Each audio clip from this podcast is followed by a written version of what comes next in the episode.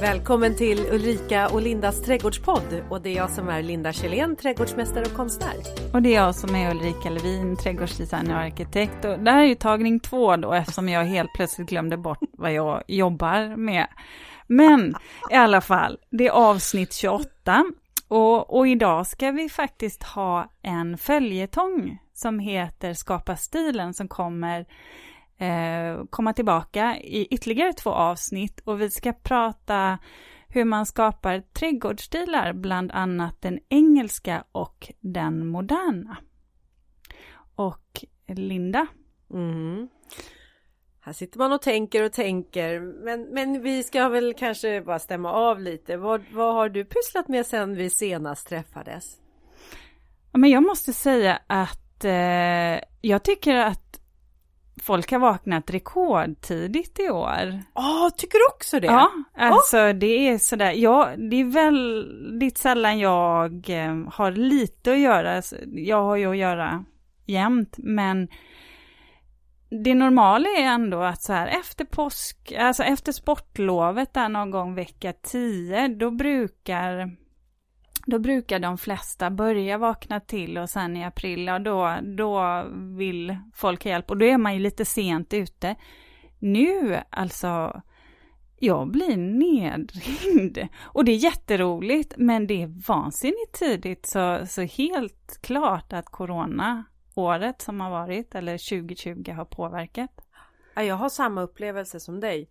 Och jag det jag kan vara lite orolig för nu det är att eh, man börjar och förodla lite för tidigt i, i stugorna. Därför att man är så, eh, åh gud man är så sugen på här nu att sätta igång den här. Ja. ja. Men det är ju väldigt långt kvar tills vi kan plantera ut våra förodlade eh, både grönsaker och sommarblommor. Det är ju några som man behöver börja förodla nu. Men ehm, alltså chili och tomater och verbena för att nämna några, kronärtskocka kanske. Men, men allt det andra, det kan man ju liksom vänta med tills eh, någon gång i början av april. Men... Ja, det är ju skönt. Då får man, då får man egentligen eh, nära sina drömmar nu ja. ett tag till. Eller kontakta eh, en arkitekt eller någon, om man vet att man behöver hjälp. Så, mm. så då kan jag säga, då är det hög tid att göra det nu. Men annars får man väl fundera och längta mm. lite Nej, till. Det, det, är roligt, det här bådar gott ja.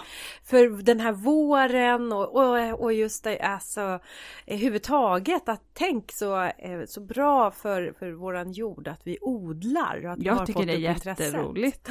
Det är det ju. Ja. Du vet vad, jag, jag har faktiskt några stora saker som jag bara eh, är väldigt lycklig över som har hänt. Mm. Ja, eh, det, det, det första var ett kärt återseende och det är, jag har ju en egen frökollektion om, som heter Noga utvalda sommarblommor. Jo men det vet jag ja. för jag eh, har nämligen tänkt att prova mig på att odla två av dem, den här Åh, Flox. Sommarfloxen. Ja. Ja, den är het alltså. Den är nästan så att den är liksom, alltså ser du en påse sommarflox, slå till. Ja. Och inte att fundera för den tar slut. Den var, den var så otroligt vacker. Men sen så blev jag också väldigt förtjust i den här ljusgula, alltså blekgula solrosen för att den den hade ju en helt ljuvlig doft och när jag tog in den tillsammans med luktärtorna som jag fick gå och plocka här på din odling, alltså den doften, den var helt oslagbar. Ja, eh, buttercream heter den. Mm. jag gillar ju inte solrosor Nej. egentligen. Nej, du alls. är rädd för dem. Ja. Du tycker ju de ser ut som sådana här... Äh, aliens. Aliens mm. ja. Men den är inte den här för den här är småblommig. Ja. ja. Eh, så det var ju ett väldigt kärt återseende att eh, de, de har nu börjat att dyka upp i mm. butiker runt om. Eh, så det var det ena och sen så fick jag faktiskt för en vecka sedan så fick jag ett jätteroligt mail ifrån bokförlaget som jag har gett ut min senaste bok på Konsten att skapa trädgårdens rum. Den är slutsåld. Ja. Ja, det är ju trist om man nu ville köpa en konst och köpa ett trädgårdsrum. Men då kommer den gå på nytryck. Ja, men det är ju kul. Ja, det, det tycker jag är... Ja, men det blev jag så jätteglad. Man behöver lite sån här... och att det liksom börjar med, med lite glädje det nya året. Ja. Och, sen, och sen den sista saken då. Ja. ja får jag berätta mer? Det är klart du får. Det, känns som att jag är hos min, eh, min psykolog eller terapeut. Nej men vet du vad det är? Det är, jag ska avsluta min. Jag har ju pratat så mycket om min lilla Smula. Eh, Min Mm. häst som eh, blev skadad och gått och vilat och nu ska få ta liksom leva ett lite lugnare liv. Och det kanske inte är det vad hon gör där hon har stått nu på en stor träningsanläggning, eh, Örnäs där hon står. Utan nu har hon hittat hem. Så hon har fått flytta till eh, eh, ute på landet till en gård där hon har återförenats med sitt föl som hon fick för 12 år sedan. Nej men, Ja, jag bara, eh, jag tänkte det, nej jag måste se här så jag, jag liksom letade upp fölet och sen så blev allting så bra så att hon har fått flytta dit så i, i, nu i veckan så sammanförde vi de här två. och det funkade. Ja, vi, vi tror till och med att de faktiskt kommer ihåg varandra. Och Smulan, hon har varit på den här gården när hon var, när hon var, när de köpte hennes föl så fick hon vara med och lämna fölet. Så hon har varit på gården innan. Nej, Men- det var så fint. Men hur känns det för dig nu då? Och har Vemodigt. släppt smol, sm, smulan. Smulan. Smahildur heter hon. Lilla Mm. Hildur. Mm. Nej men du vet vad, eh, vemodigt, jag har faktiskt gråtit väldigt många tårar. Eh, det här är mitt liksom älskade djur. Mm. Eh, men eh, jag låter som, publi- eller som politiker när jag säger jag tar ansvar.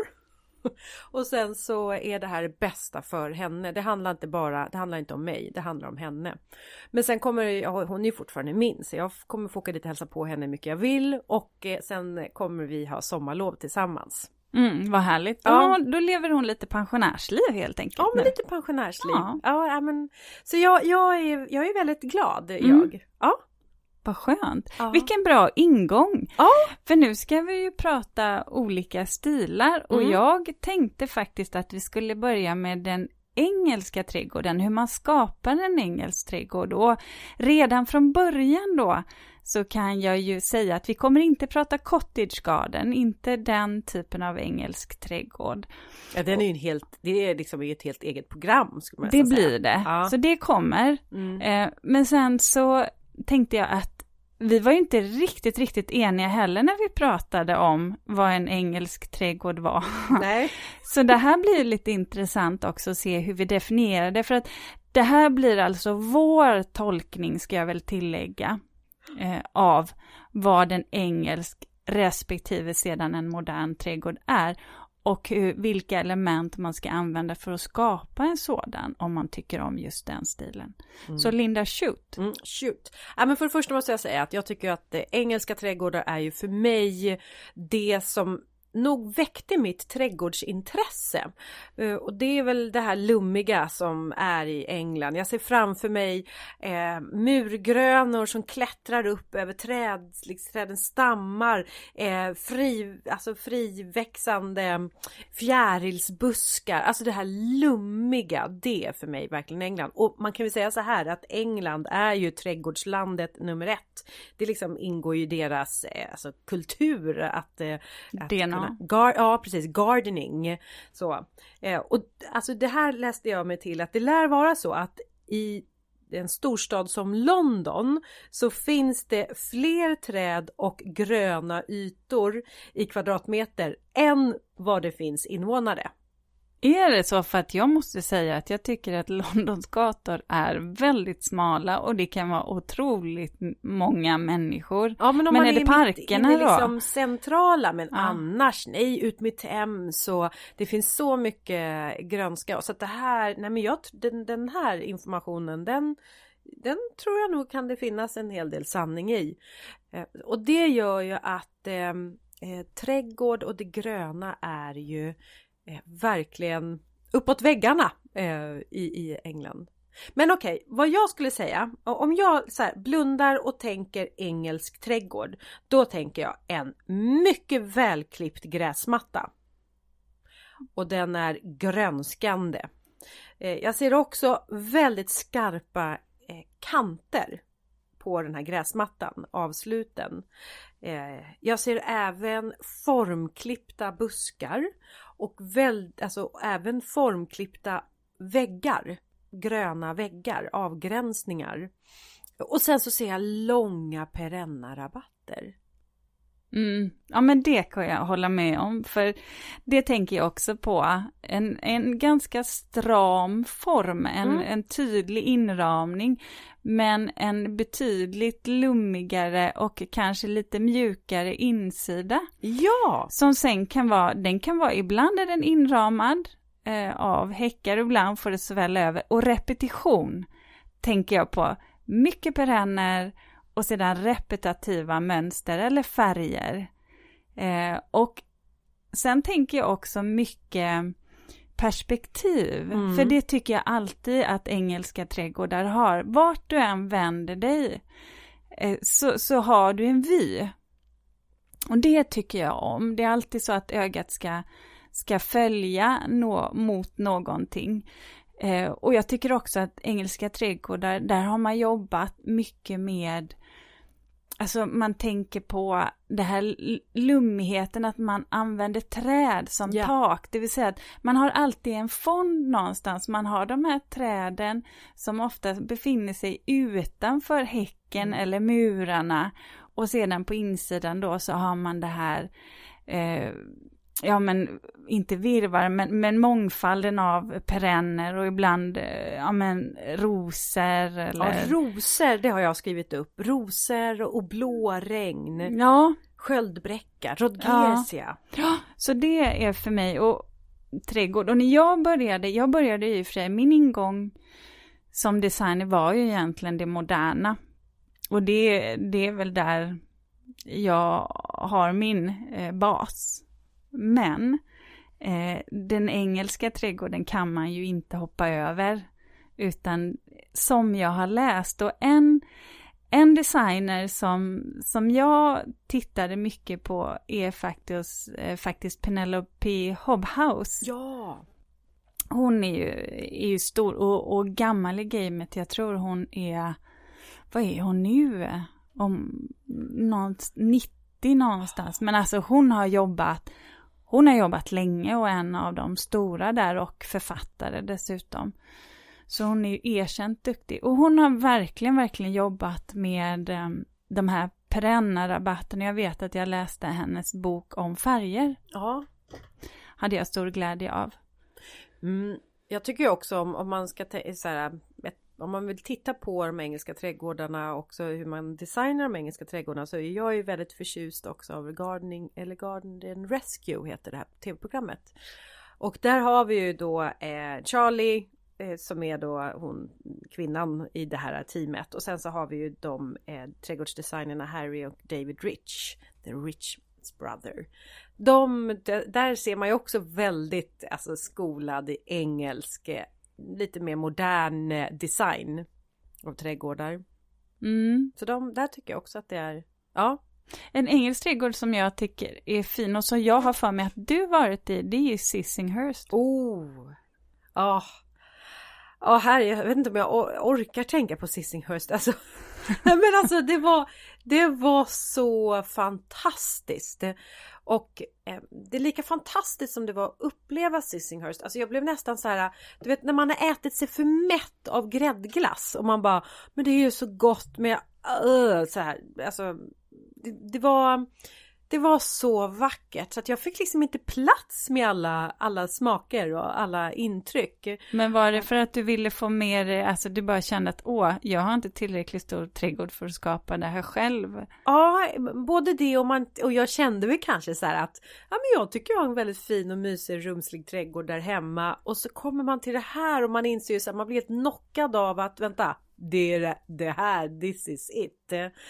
Eh, så det var väl, och det som var med Sissinghurst det är ju för det första eh, alla dessa olika rum. Ehm, avgränsningarna med ehm, eh, allt ifrån liksom färgmässigt, jag menar den vita trädgården, den var helt häpnadsväckande var den.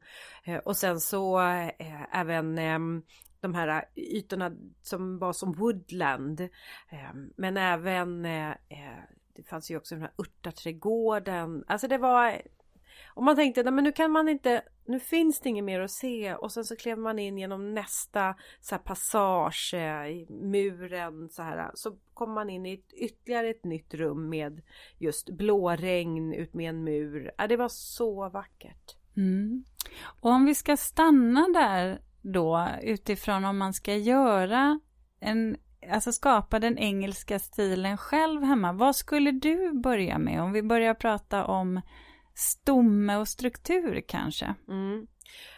Ja men såklart rumsligheten, den, den delen är ju och jag tycker också att jag har sett mycket engelska trädgårdar som har inramning med plank.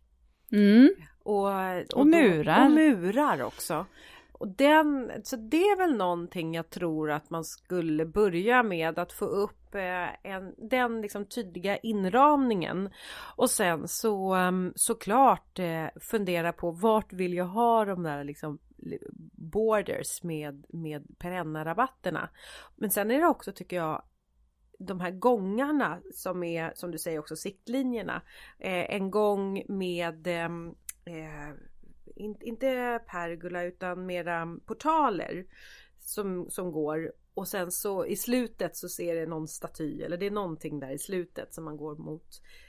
Och kan vara allt ifrån Rosor är ju liksom klassiskt eh, men det kan ju också vara spaljerade päronträd på den här eh, bågarna.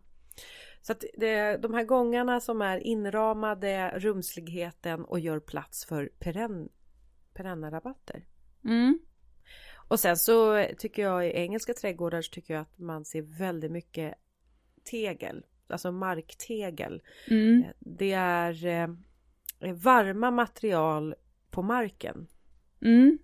Är det eh, de här rostiga tonerna. Mm. Ja, det kan ju vara lite olika. Mm. Eh, men det som, om vi pratar om eh, om vi tänker på material så håller jag med om det här med tegel, alltså dels både tegel i väggarna Mm. om man vill ha det. Mm. Och här ska man ju vara så att om man inte, det behöver inte vara det här röda teglet heller om man inte tycker om det, utan det finns ju faktiskt också grå, grått Ja. tegel. Mm. Eller lite brunare också, som är väl- väldigt vackert. Och jag är så glad för jag tycker att marktegel har fått en liten revival nu. Eh, för ett tag så försvann det bara och ersattes av sån här tumlad betongsten. Och jag tyckte det var så tråkigt för att jag tycker att marktegel kan vara ett fantastiskt material att jobba med på gångar och också i, i strukturer. Alltså eh, vertikala strukturer. Eh, och sen så när man pratar stomme där så det är ju så här, vi har ju ah, lite annorlunda eh, bygglovsregler än vad man har i England, vilket gör att det inte alltid är så himla lätt att få upp det här planket eller muren i tomtgräns. Då får man ju kanske jobba med inramning, jobba med de gröna, jobba med häckar eller spaljer med klätterväxter då. Och då kan man ju faktiskt tänka så här att man kan ha en eh, häckväxt eh, som är den yttre gränsen och sedan kan man ha en annan häckväxt som kan vara den skapa inre gränser i den här ytan, det här rummet som man har skapat och en häck som kanske då är lite lägre om man nu vill använda eh, en, eh, häcken som en infattning egentligen till en perennarabatt och då brukar ju den vara ganska låg, vi kanske ja, säger 30 till 50 centimeter max. Mm. Men det är ju inte, det är inte eh, en nödvändighet tycker jag att ha inramade eh, perenna rabatter för minst lika ofta tycker jag att man ser dem som att de ligger dikt mot gången. Ja, och ganska breda är de också. Ja, breda är det ja. ja. Och här tycker jag vi ska prata lite om bredd på en perennare. Parad, paradrabatter verkligen. För här kan jag ju tycka också att det här är ju oftast ett, ett misstag man gör när man pratar rabatter. Det är ju därför jag ofta använder ordet planteringar, för jag tycker att det är mer rättvisande. Eller för mig så innebär det att det är en större växtyta. Alltså om du ska ha en plantering eller då en rabatt med flera olika typer av perenner, och då får du upp på minst 120 Jag tycker du nästan ska vara uppe på 140 och sen nästan upp till, ja, kanske två meter lätt alltså. För att få de här olika höjderna. Annars får du inte den här masseffekten som man har i eh, en engelsk trädgård. Det ska vara lite överdåd. Mm. Och så kan man alltid lägga in lite trampstenar då. Så att man kan komma in och eh, rensa eller plocka blommorna eller Ja, och ofta om man, jag kan tycka att om man nu Ja, om man nu håller efter sina växter vid nyplantering och ser till att det inte blir massor med ogräs så kommer ju perennerna ganska snabbt ha vuxit eh, till och täckt ytan. Och det smarta man kan göra det är ju att försöka att inte alltid gå in på samma ställe och i så fall kultivera jorden när man går ut så behöver man egentligen inte ha trampstenar heller. Men, jag, man jag tycker ofta så jag ser också att man kanske har om man har en gång så att man kommer åt rabatten från ena hållet så har man även en smal gång eh, bakom planteringen. Ja, och det är ju ganska smart egentligen för att om man då tänker sig att man har en häck eh, så är det ju så att de här höga Speciellt formklippt ja. som man vill komma åt också. Och klippa. Precis, och dels för att kunna klippa, men sen är det ju också så här att höga perenner som säger vi att de kanske är runt en 140 till 2 meter höga, de kommer ju ta allt solljus från häcken, vilket gör att häcken då blir ganska brun och, och tråkig.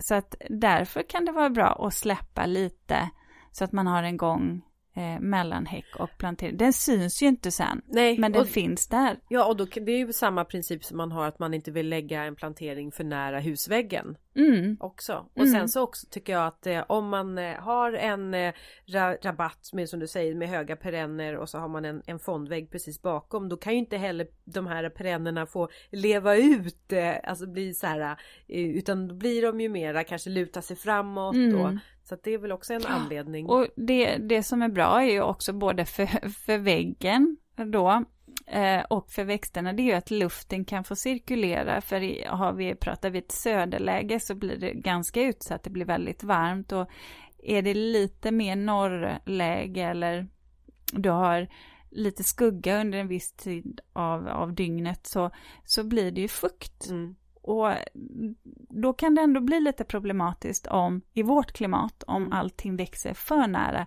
en trävägg eller en, en mur. Det är inte lika känsligt om man pratar en häck naturligtvis.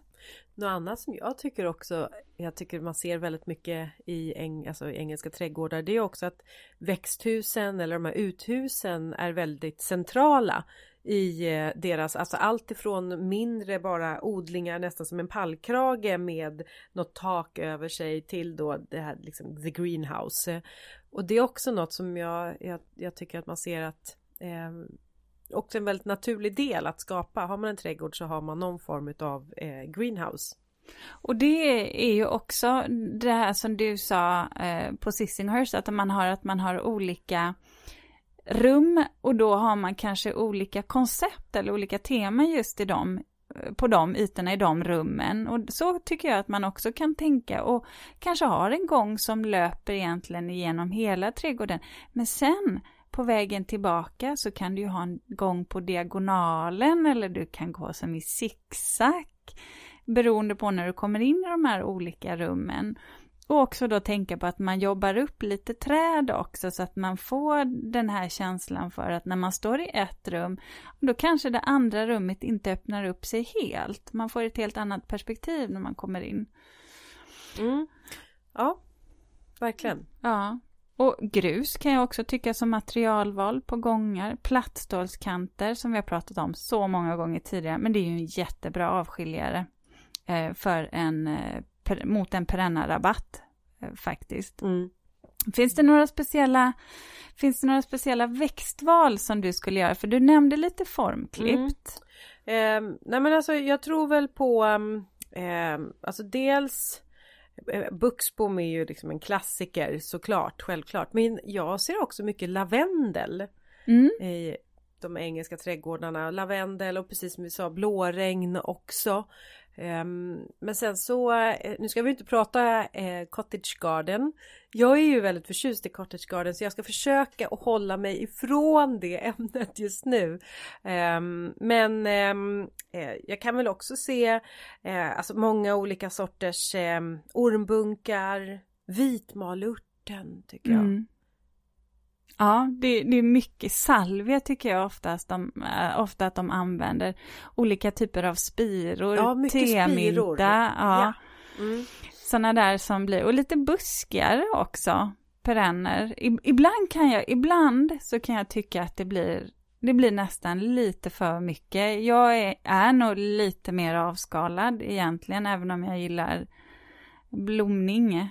Sen har ju de en helt annan växtzon såklart så att de kan ju verkligen eh, bjussa på med lite halvt, alltså med både palmer om de liksom Ja men så är det ju. Det är svårare här hemma men om man tänker sig utifrån svenska förhållanden om man ska skapa så skulle jag vilja säga att i en engelsk trädgård att man ändå har koll på sin färgskala för det är viktigt. Sen kan man byta ut den. Du kan ha en färgskala på våren när du har dina lökar och sedan har du en annan om sommaren och sen så kan du få en tredje egentligen på sensommaren, hösten.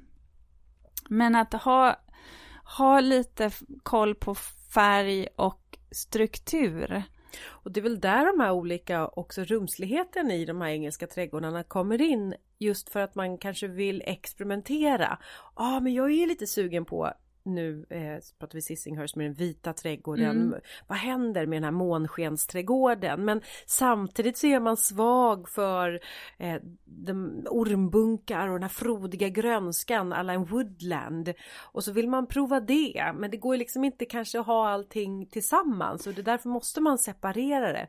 För man har en eh, lust att eh, eh skapa och mm. testa och experimentera. Det är det som är, alltså trädgårdera, det finns ju inget svenskt namn på gardening. Nej, och det här jobba med öppet slutet, mm. att oftast så är det en lite mindre gång man går in genom och sedan så öppnar det upp sig där inne. En trädgård i Sverige som jag tycker verkligen eh, är liksom engelska det engelska det är ju Sofiero eller trädgård, det är en park. Sofiero ja. tycker jag, där har de lyckats med eh, just att hitta det engelska och både det moderna kontra det mera romantiska alla liksom 1900-talets, 1800 slutet på 1800-talet. Mm. Ja men det har de ju. Verkligen. Mm. Det är en vacker trädgård bara rakt av skulle jag vilja säga. Ja. Har du någonting mer som du vill nämna när det gäller den engelska eller kan vi köra på när det gäller den moderna? Nej men vi tar den moderna tycker jag. Ja. ja. Jag är lite så här kluven över vad är egentligen skillnad mellan en eller finns det ens en skillnad mellan den moderna trädgården och den minimalistiska trädgården? Eller är det samma eller vad? Jag skulle väl kunna säga att det är samma sak fast på i två olika ändar av skalan ja. egentligen. För att om man skulle titta på den minimalistiska eh, så kan jag tycka att det finns en eh, det finns en helt fantastisk arkitekt som heter Vladimir, Vladimir Djurovic. Han är faktiskt från Libanon. Och han har ju det som jag tror du skulle beskriva som en minimalistisk design. Han är landskapsarkitekt då. Och jobbar väldigt avskalat. Alltså, jag tror att det är många som inte ens skulle benämna det där för trädgård. Mm. Eh, men jag kan tycka att han ibland kan hitta det här väldigt rena, skulpturala, alltså hitta linjerna i naturen på ett eh, ja, ganska exceptionellt sätt faktiskt. Eh, men sedan så har vi det moderna och då tänker jag väl snarare på det här lite mer strama, stilrena. Och då funderar jag på, ligger grunden i arkitekturen funkis? Är det där man, man kom på, vänta vi kan ju faktiskt applicera det här eh, det tydliga formspråket även i trädgården. Och för att man klev ju in i någon form av modern tid när man eh, kom in i funkisperioden? Mm, jag tror, trädgårdsmässigt tror jag inte man var där då, inte vid den tidsepoken. Men, men återigen, det får ju bli vår, det får ju bli vår tolkning nu av en modern trädgård och då, då skulle jag nog ändå resonera som så att det är en trädgård som är eh, stram. Eh, Enhetlig?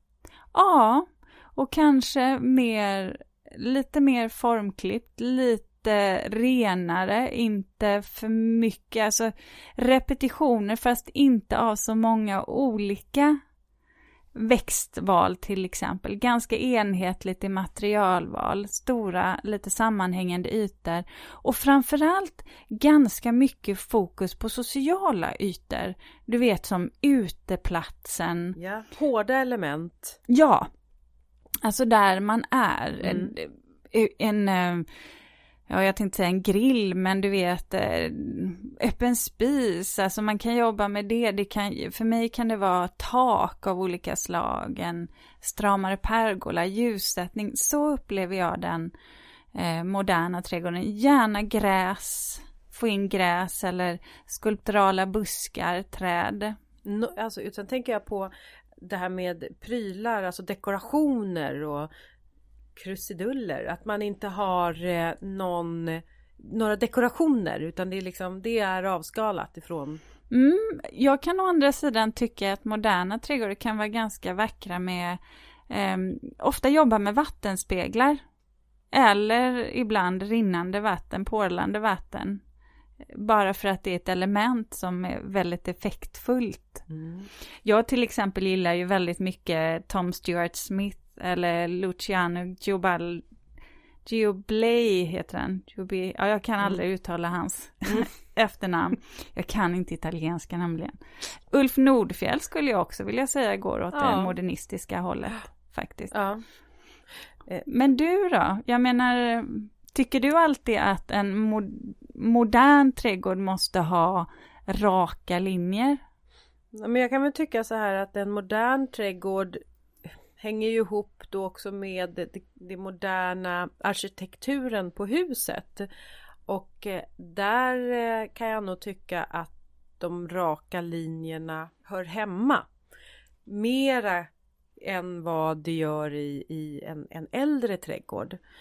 Men eh, det jag, jag, känner väl med, med den moderna trädgården är Det är alltid svårt när man själv inte eh, har eh, naturligt den, den här liksom, åh det här går jag igång på, det här är liksom, jag kan stå och betrakta och jag kan förstå att det, det, det vackra, det är liksom snygga i designen. Men det är inte så att det landar i hjärtat. Mm. Som till exempel det gjorde när jag var på Sissinghurst, när jag mm. åt mjukglass och blev mm. mätt. Här är det mera, ja men det är lite mera dricka mineralvatten. Mm. Och men det var väl tråkigt sagt? Vad menar du med det? Nej men det bubblar lite men det är, eh, det är inte champagne. Det, jag blir inte berusad. Äh, Okej. Okay. Ja. ja. Utan ja. det är mera av att jag, eh, ja jag, jag fattar det är... Lite ljummet. Nej, det är inga avslagen mineral. Det kan vara liten ton av fläder. Ja, ja, okay. Lite krisp. Lite krisp, ja. ja. Nej men alltså jag förstår ju grejen och jag kan ju tycka att det är eh, på ett sätt vilsamt för att det är så Eh, det här, de här liksom stramheten och de här rena linjerna, det enhetliga, de, de eh, perfekta, rätta proportion, eller, eh, mm. proportionerna gör ju att det är, eh, det är som att kliva in i ett nystädat hus som är välorganiserat. Ja. Ja, nu, nu, nu, yeah, now we're talking, now we're talking. Där, när vi ja. säger rätt proportioner, ja. perfekta linjer.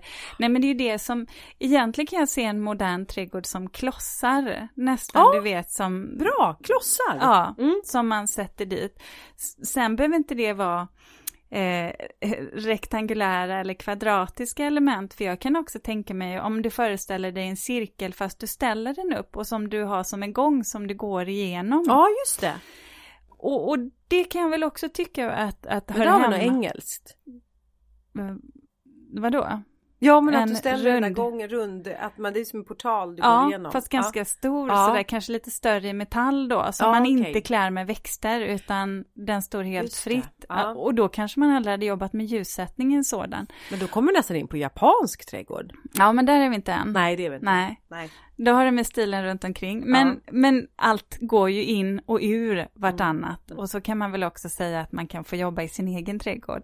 Ja. Men jag tycker om det här att man har vissa element som man tydliggör, att linjerna kan vara viktiga i en modern trädgård. Det vill säga att den här gröna klippta gräsmattan som är ganska formad i en engelsk trädgård också, kan ju vara grymt snygg i relation till, alltså i en modern trädgård till ett, eh, en, en betonggång till exempel i, som är väldigt stram.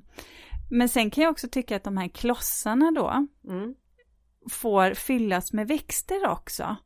Så att en del av de här ytorna, där kan man till exempel sätta Ja men ni vet några formklippta ligusterklot eller kanske någon liten kryptall, alltså sådär som är lite formklippt i ett eh, hakonegräs, något som blir lite yvigt så att du ändå får den här kontrasten för att en modern trädgård måste man vara väldigt noggrann med så att den inte blir tråkig, den får inte bli platt. Nej, och det är väl där en utmaning finns i att lyckas med att en modern trädgård inte blir tråkig.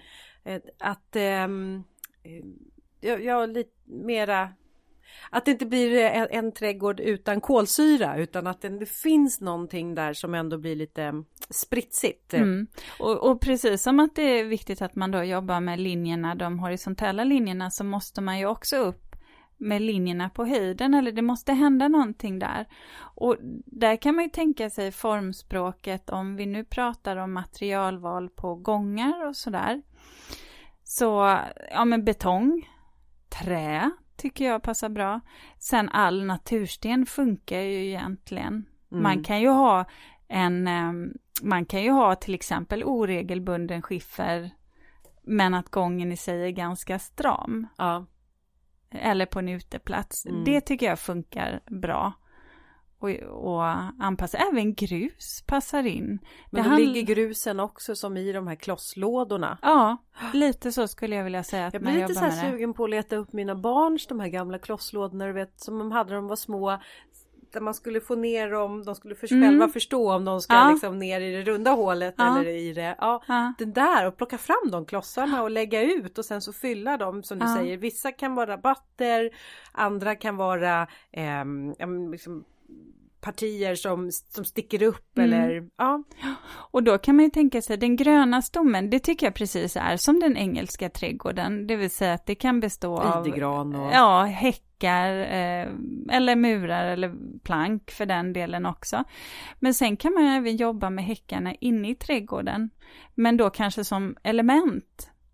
Som eh, fyrkanter eller rektanglar eller häckar som sitter bredvid varandra fast i två olika nivåer så att man får en typ av terrassering fast egentligen uppåt mot himlen istället. ja. Det kan vara väldigt effektfullt och sen bara en vanlig, alltså en gräsmatta Mm. eh, till det. Och sen kan jag tycka att Eh, nej men våra, som istället för bågar så brukar jag, alltså som vi säger rosbågar som kanske är den engelska trädgården, så brukar jag ibland jobba med pelare. Mm. Eh, och ibland så kan det vara som portaler fast de är, de är lite de är lite maffigare, som en port nästan som du går igenom. Då ser jag framför mig Ulf Nordfjell har gjort trädgårdar nere i eh, trädgårdsföreningen i Göteborg. Mm. Där har han gjort mycket den här typen av portaler som är Ja. lite kraftigare och Ja. man får ju fortfarande samma rosenportals eh, upplevelse men den är ju en helt annan signalerar ett helt Mm. annat eh, eh, formspråk. Ja, och då jobbar man med det och då kanske det blir lite mer ljuset. Men oftast då så står ju de fria, det vill säga att de inte är övertäckta av växter. Och då kanske ibland att konstruktionerna får komma fram Mm. mer. Och det kan man väl tycka i en modern Mm. trädgård att det är mera precis de här hårda elementen och konstru- konstruktionerna, att det är de som är minst lika viktiga synliga. För kanske i de engelska trädgårdarna eller om man nu skulle titta på en helt motsvarighet som den mera romantiska trädgården så vill man ju kanske dölja de här konstruktionerna. Mm, så är det ju. Eh, det, det är en väldigt distinkt skillnad mm. däremellan. Växtval då? Vad, vad plockar man in för växter i en modern trädgård? Mycket formklipp tycker jag, som man kan forma. Eh, och då, ja men jag tycker idegran, liguster. Jag kan också tycka att en del barrväxter kan vara fina, eller skulpturala buskar. Tycker jag. Eh, mm. Som, eh, jag kan tänka mig en kornell eller en magnolia fast på rätt plats. Mm. Eller en tall med, som jag nämnde, hakonegräs under. Gärna gräs också, både högre som de japanska gräsen, miscantusen, men också de här lite lägre i större sjok. Funkiga, tänker ja. perenner. Ja. Eh, jag tänker också på um, um, Ja men den här svarta ormskägg. Fast, ja. ja. Mm. Tycker du om den? Sådär. Ja. Mm. Jag kan tycka att den är... Ja. Ibland Berätta, kan... för jag tror att du har sagt någonting om den när vi var nere i Slottsparken i Malmö. Jo, men ibland så kan jag tycka att den blir lite fadd i färgen och nästan sådär så att jag... Den heter det, men, men att det ser lite ut som orm... Ja. Lite, jag får lite obehags, obehagsvibbar av den. Mm. Tycker den känns lite så här som att den kommer komma till liv. Lite som solrosorna ja. egentligen som jag pratat om innan. ja, det, jag har jag lite kan... för mycket fantasi ja, för vilka, vissa du växter. Du kallade mig för, fan, för, för, fru fantasi men jag tror snarare att vi får ändra på det här. Ja. Du, är, du får nog vara fru fantasi. Ja, ja. ja jag, jag, är mycket, jag, jag har tittat på för mycket sån här science fiction tror jag. Ja, jag tror det. Ja, men alltså, annars så gillar jag just eh, svart ormskägg men även tycker jag Hasselurten känns ju också bara som en ja, klockren det kan vara väldigt, väldigt, väldigt, väldigt enkelt. Där gröna, jag, jag tänker mig också att i en modern trädgård så står mera den gröna basen för eh, snarare än, än, att man och att det är det i former som ska ge ett, ett, ett eh, uttryck snarare än att det är färgerna på blommorna som ska ge ett uttryck. Mm. Och sen kan man ju blanda lite om man vill ta in, få in lite blomster. Man kan ju absolut få in blomster i en modern trädgård också. Mm. Det tycker jag. Det är inte så att man eh, behöver välja bort det. Frans-Veronica? Ja, för jag tänker också på den biologiska mångfalden. Men ja. salvior, samma sak där. Sånt som, men, Rosenstaven. Var lite mer, eh, var lite sammanhållen i färgskalan. Ha lite större sjok av de här vävarväxterna mm. egentligen. Sen kan jag tycka att om vi kommer till uteplatsen så är den viktig i en modern trädgård. Den är ju viktig i alla trädgårdar för det är där man hänger men det är oftast en ganska central och visuell del i trädgården. Där man tänker till kring ja, men inramning, ljussättningen. Ehm, ska det vara en öppen spis eller vad ska du ha, lounge-soffan eller har du en avdelare, en avgränsare. Så att det kan jag tycka, det gör mycket också till. Och gärna kanske då vatten i närheten. Det tycker jag verkar komma lite mer nu igen. Det är också något som har valts bort under en tid. Det här med vatten mm. i trädgården. Men ja. det kan ju vara grymt snyggt i en modern trädgård. Jag vet när vi tittade på en av dina trädgårdar så hade du gjort den här dammen som med svart sten i botten. Och det var inte mera än... Ja, grönsten var det. Var det grön... Italiensk grönsten, ja. Ja, var det det? Ja. Mm. Och sen så var det, men den var ju inte djupare än eller hur? Vad kan det vara? Ah, 20... nej, nu tänker du på den på Österlen. Förlåt. Exakt. ja det är svart sten. Ja, Helt jag tänkte, jag tänkte, vadå, ja, var det sorry. en... Var det, jag, jag tror det var ja. algbeväxtning alltså. Nej, ja, den nej. var svart. Var den det. Var jag vet svart. att du plockade upp några stenar och skrubbade av dem sådär mm. också och visade på. Mm. Eh, men den, den tycker jag var riktigt fin. Mm. Jo, och det finns ju väldigt enkla sätt att skapa sådant på. Men just elementen i en modern trädgård får man jobba lite med och, och formerna, strukturerna. Men då, se till det, klossar, klossar, klossar. på höjd, klossar lite förskjutet till varandra så att det inte blir tråkigt. Det får inte vara ett linjerat papper. Nej, men du, är det här, det är lite Tetrix? Ja, lite så, eller lego. Lego. Så kan jag också tänka ja. mig, du vet, att man jobbar med. Eller i varje fall jobbar jag så. Så om man nu ska skissa upp en modern trädgård, då plockar man alltså fram eh, legolådan ja, och börjar bygga? Fast där är man så himla begränsad, för de är ju bara, det finns ju bara en version på klossarna nästan. nästan. Nej, att... det finns väl fler, ja, nej, det finns många variationer. Så dricker man lite Ramlösa till det. Eller ja, någon ja. annan dryck också kan man ju ja. dricka. Men, lite... eller, men inte champagne då? Inte eller champagne, det tar man fram Det tar man, ska, till den engelska. Till den engelska, då tar man champagne. Ja, jag fattar det, när man står där i, i sin månskens trädgård. Eller hur? Ja. Och sen går man in till sin cutting garden. Nej, men gör du det så, ja, så, ses så vi... dricker jag cocktail i min lounge.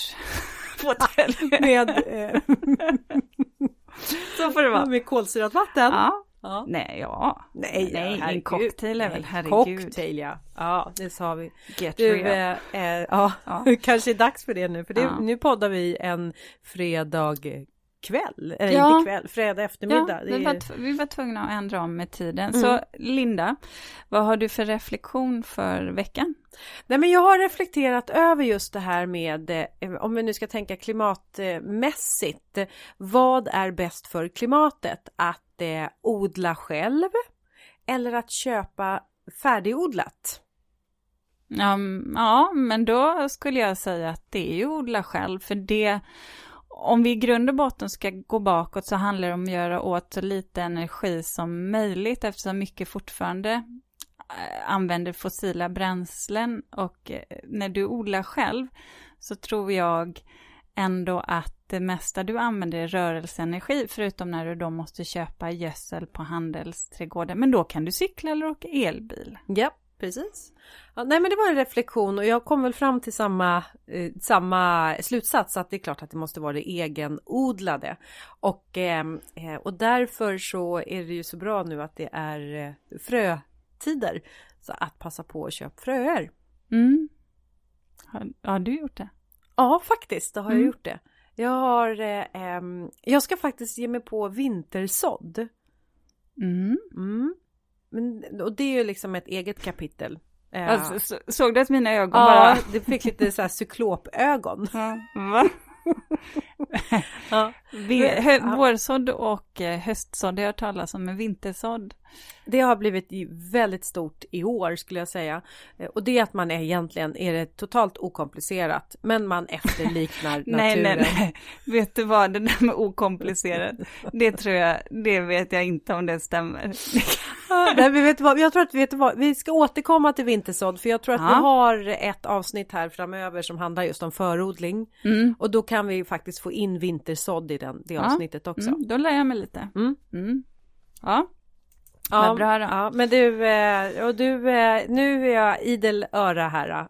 Vad har du för reflektion? Det handlar faktiskt också om klimatet, för jag var ute och sprang här för några dagar sedan och så mötte jag en kvinna i min egen ålder på trottoaren och hon går och du, röker. Det händer mycket på dina trottoarer. Ja, jag vet. Det hände förra avsnittet ja, också på ja, trottoaren. Ja, ja, ja. Okej. Okay. Allt. Ja. Allt händer på trottoaren. Allt händer på trottoaren. Nej men jag springer förbi henne och hon går och röker eh, och precis när jag passerar henne så ser jag hur hon håller för andan och så vänder sig bort eh, när jag springer förbi. Och i de här tiderna så är inte jag helt ovan vid det, framförallt äldre människor, att de gör det. Och jag lägger ingen värdering i det, för det är fine, jag kommer där och flåsar och det känns obehagligt. Men det märkliga var ju att, att hon gick och rökte.